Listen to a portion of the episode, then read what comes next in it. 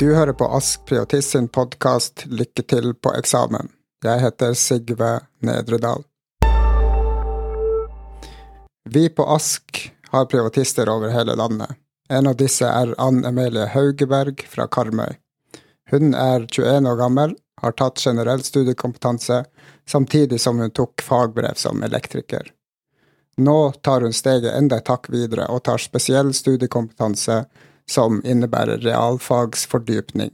Ja, jeg begynte da etter ungdomsskolen, så bestemte jeg meg for å gå på elektro. Um, og gikk det to år på det, og så begynte jeg i læretid.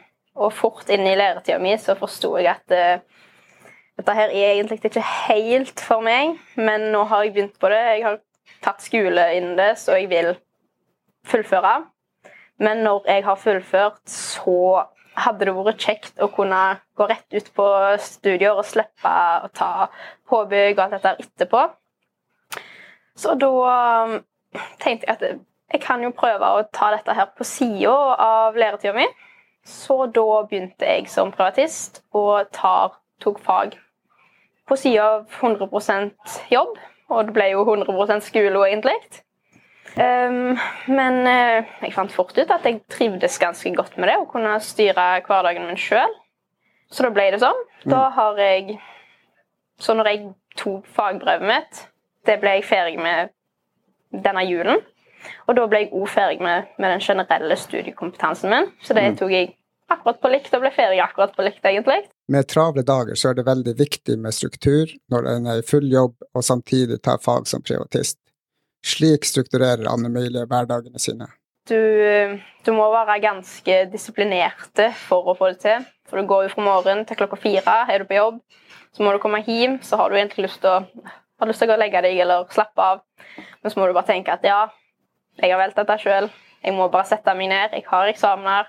Kom deg gjennom det.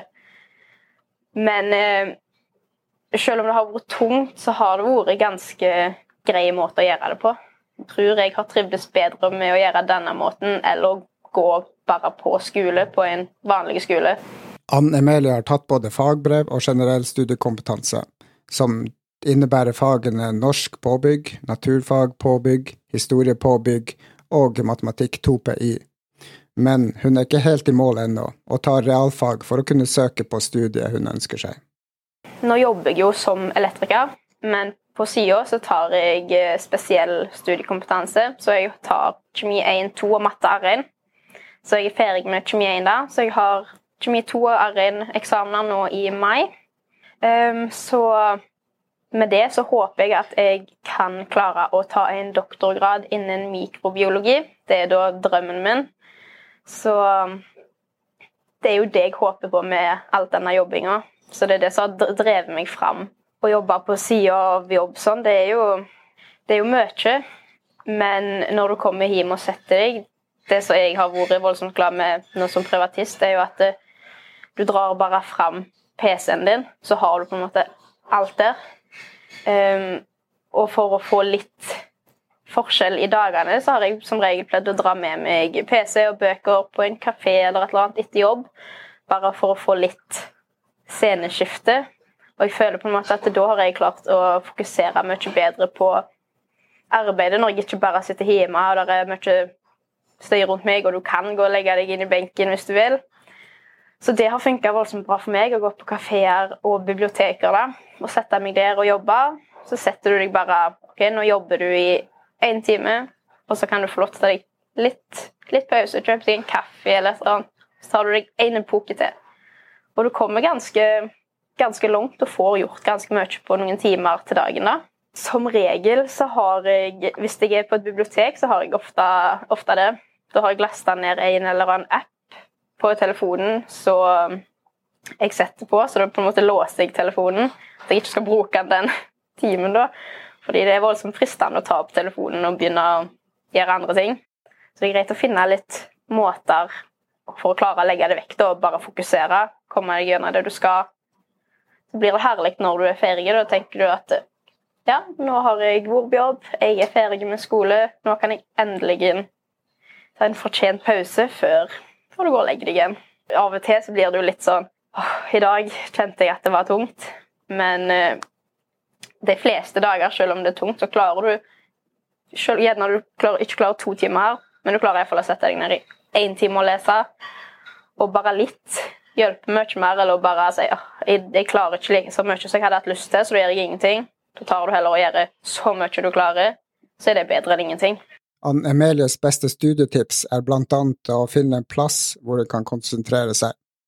Hun har også et system med Post-It-lapper som gjør at kunnskapen sitter mye bedre og hun synes også at det er fint å ha en belønning som venter.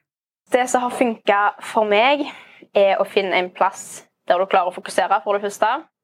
Ta med deg noe godt å ete, f.eks. Det hjelper alltid for å klare å fokusere. Um, og for meg så hjelper det vel sånn å skrive alle notatene mine for hånd.